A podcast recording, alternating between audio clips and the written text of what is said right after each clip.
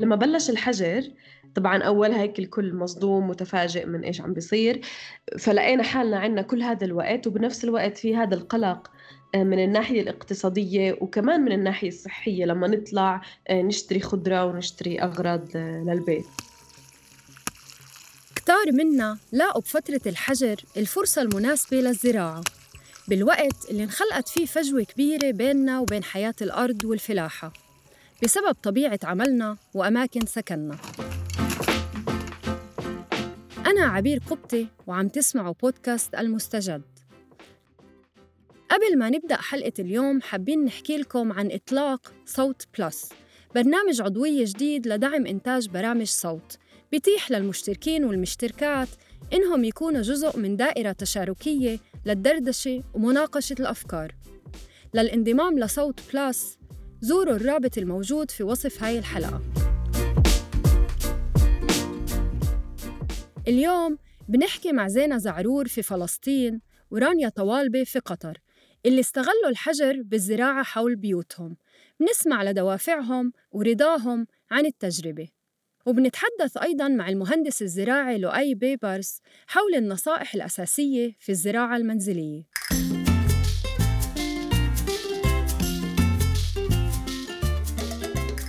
وإحنا عايشين في هاي العمارة مع جيران. فقررنا مع بعض نجيب شتل آه خضار ونزرع بالجنين الصغيرة. زينة من فلسطين سبق وكان إلها تجارب في تعاونيات زراعية شبابية. بس خلال الحجر قررت مع زوجها وجيرانها تخصيص وقت للزراعة في حديقة بنايتهم السكنية في مدينة رام الله. قررنا مع بعض نجيب شتل آه خضار ونزرع بالجنين الصغيرة. وبلشنا بهاي الطريقة يعني نزرع مع بعض ونسقيهم وندير بالنا عليهم للمزروعات. بسأل أهلي اللي هم شوي عندهم خبرة أكتر بالزراعة على بعض النصائح كيف ندير بالنا ومنقسم المسؤوليات بيننا وبين جيراننا كل يوم حدا بيسقي. آه، كل يوم حدا بيدير باله. زرعناهم مع بعض عشبنا الأرض وزبطناها. محظوظين إنه يكون في حديقة صغيرة. يعني هي صراحة مش عارفة بالضبط قديش بس يعني ممكن 20 متر. مش إشي عظيم. عدا عن ضيق المساحة في تحديات أخرى بتواجه الأفراد اللي بيتجهوا للزراعة بهدف الإنتاج المنزلي. منها مثلا نقص المياه. وفي الحالة الفلسطينية كميات المي مش وفيرة كفاية. نتيجة سيطرة الاحتلال الإسرائيلي على الموارد المائية. آه، خصوصا بفصل الصيف يعني وبموجة الحر اللي مرقت إنه المي مش كل يوم آه، عم تيجي على البيوت. فبالتالي بتصيري بدك تنزلي مي من الخزان اللي اللي على السطح واللي هو كمان أنت بهاي الطريقة عم بتقلل المي تبعت الاستعمال المنزلي. و وكمان خطر إنه إذا إذا ما انسقوا المزروعات وخصوصا في الحر يعني ممكن يموتوا سريع.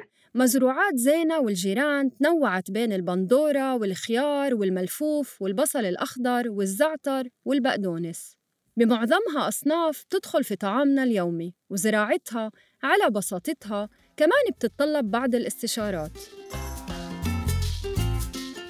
كم شتلة بتسمح لكم مساحتكم المنزلية تزرعوا؟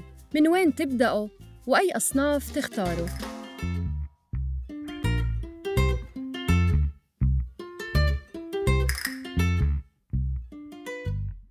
أول شيء بده يشوف إيش أكثر شيء بيستهلكه كثير على سبيل المثال كل الأسر اللي موجودة في بلادنا تستهلك البقدونس والكزبرة والنعنع والجرجير والأمور هذه وهي سريعة النمو وسهلة ما في لها أمراض.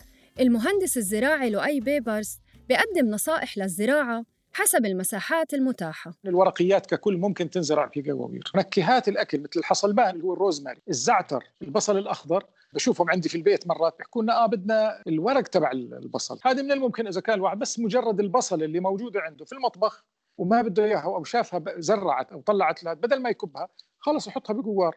أما بالنسبة للبيوت المستقلة أو الشقق الأرضية اللي حولها أرض من حوالي 50 متر مربع فالخيارات بتكون أوسع. بإمكانه يزرع الفجل لأنه موسمه قصير في فجل بنسميه الشهري.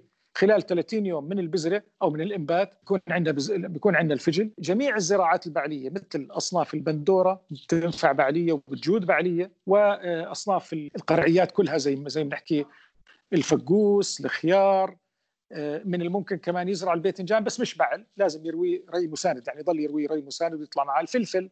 وخاصة الحار لأنه أكثر تحملا للجفاف أو تحملا لقلة الري من الفلفل الحلو. بس قطعا ما بنصح الناس إنها تيجي تتورط إنها والله أنا بدي أزرع بطيخة ولا شمامة على باب البيت لأنه أصلا بتحتاج المساحة أكثر. لما نزرع نباتات في حديقة البيت لازم نعرف إنه مش بالضرورة الإنتاج يكون شبيه كتير باللي بنشتريه من السوق لأنه ظروف الزراعة والمواد المستخدمة مختلفة. واقع الحال. مهما كان ما ينتج تحت نظر العائلة هو قطعا راح يكون أكثر أمانا مما يشترى من السوق. حتى لو كانت الورقة أصغر حتى لو كانت صفاتها أقل أفضل على المواصفة اللي هي أكثر أمانا للاستهلاك بالنسبة له راح يكون آه، راسم بذهنه شكل معين للخضار اللي راح ينتجها.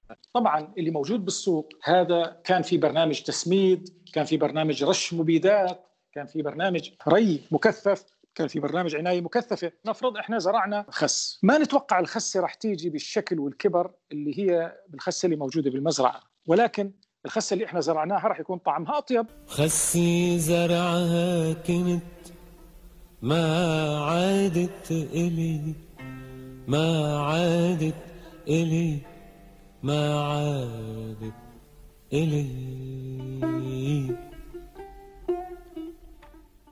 يعني ابني صار كل يوم يطلع برا يشوف مثلا ماما تعال شوفي هاي مثلا هون في زهرة ماما تعال شوفي هاي ماتت ماما شوفي هاي الورقة لونها أصفر. المهندسه رانيا طوالبة المقيمة في قطر زرعت عدة أصناف في حديقة منزلها خلال الجائحة. من خلال تجربتها منشوف كيف إنه الزراعة المنزلية مش بس فعل اجتماعي بعزز التكافل وبيغنينا عن بعض منتجات السوق الزراعة ممكن تساعدنا في الاستفادة من مخلفات بيوتنا. مثلا أنا صرت أستخدم الأشياء اللي عندي في البيت ما أكبها. مثلا عندي قشر الموز بطلت أكبه عم بستخدمه كسماد. قشر البيض بطلت أكبه. بقايا الخضروات بطلت أكبها. يعني كل هاي الشغلات عم بستخدمها. أنا كمان مثلا يعني حتى الزراعة يعني اشتريت أول فترة قوارير. بعدين صرت عم بستخدم الأشياء اللي يعني مثلا مرتبان لبن مرتبان. الشغلات اللي عندي في البيت بتفضى. عم بحاول بعملها تصريف من تحت بخزقها وبستخدمها للزراعة. حتى علب المي البلاستيك. المهندس لؤي بيبرز كمان بشدد على قضية هدر الأغذية كسلوك استهلاكي عم بتزايد بسبب تحول الثمر والنبات لسلعة مش نتيجة مجهود وعناية بالأرض لفترة من الزمن. إحنا كان عندنا بصراحة كان في عندنا نوع من الفاقد والتالف والهدر كثير في موضوع الخضار والفواكه. الناس بتروح محلات الخضار أو البقالات يعني في سبيل إنها تختار كيلو بندورة يعني تفغص كيلو مقابله. بإيديها وهي عم يعني هي بدهم يشوفوا يختبروا هذا صلبة ولا مش صلبة إلى إلى آخره. الآن إحنا عم بشعر إنه إحنا اتجهنا الآن نحو الفاقد الأقل حتى بالبيت. حتى في البيت صرنا نتعامل مع الكمية المتاحة إنه هي لها قيمة. هاي لأنه هذه مش سهل إنه هاي إذا إحنا خلصناها نروح نجيب غيرها.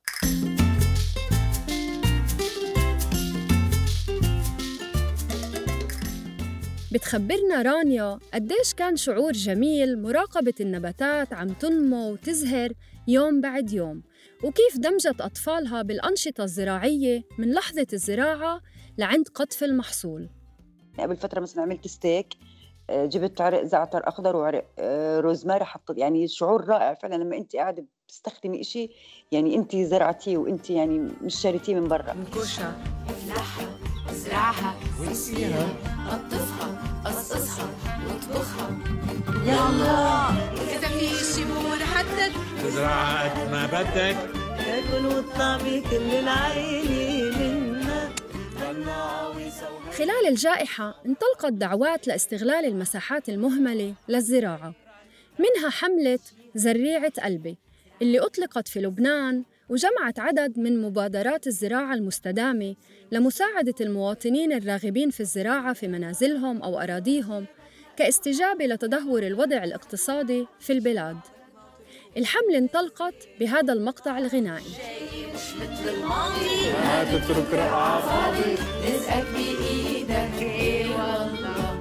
زينة زعرور بتشوف إنه تجربتها خلال أزمة كورونا ما زالت متواضعة.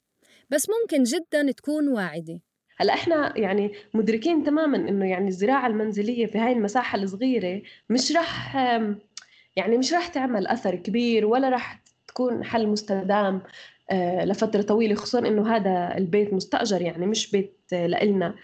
آه، بس هاي القيم اللي عم ترجع هو اللي اللي بيعطينا هيك أمل وبيعطينا دافع إنه يعني نعزز هاي القيم مش بس عنا وكمان عند الناس اللي حوالينا إنه آه كل حدا عم بزرع في مساحته الصغيرة ممكن بعدين آه ناس يتجمعوا ويزرعوا في مساحة أكبر. ما تستصعب اللي صايحة فيك ترصة شمر لا شك إنه تجربة الزراعة المنزلية هي تجربة ممتعة وصحية وإلها طابع تعليمي وتوعوي لأطفالنا وكتار من الخبراء ونشطاء البيئة بينصحوا إنها تكون خيار مستدام مش كملاذ مؤقت في الأزمات. ولكن السؤال بعد ما بدأت حكومات كتيرة بتخفيف إجراءات الحجر وتقييد التنقل ومع رجوع كتير ناس لأعمالهم وأنشطتهم شبه العادية هل رح يستمر الإقبال على الزراعة المنزلية؟ بودكاست المستجد من إنتاج صوت. كنا معكم في التقديم عبير قبطي في البحث والإعداد روان نخلي في الكتابة سارة أبو الرب في التحرير محمود الخواجة وفي المونتاج تيسير قباني. اتذكروا إنكم تشتركوا بقناة بودكاست المستجد على أي منصة بودكاست بتفضلوها. لو توصلكم تنبيهات بالحلقات الجديدة. كونوا بخير وعافية.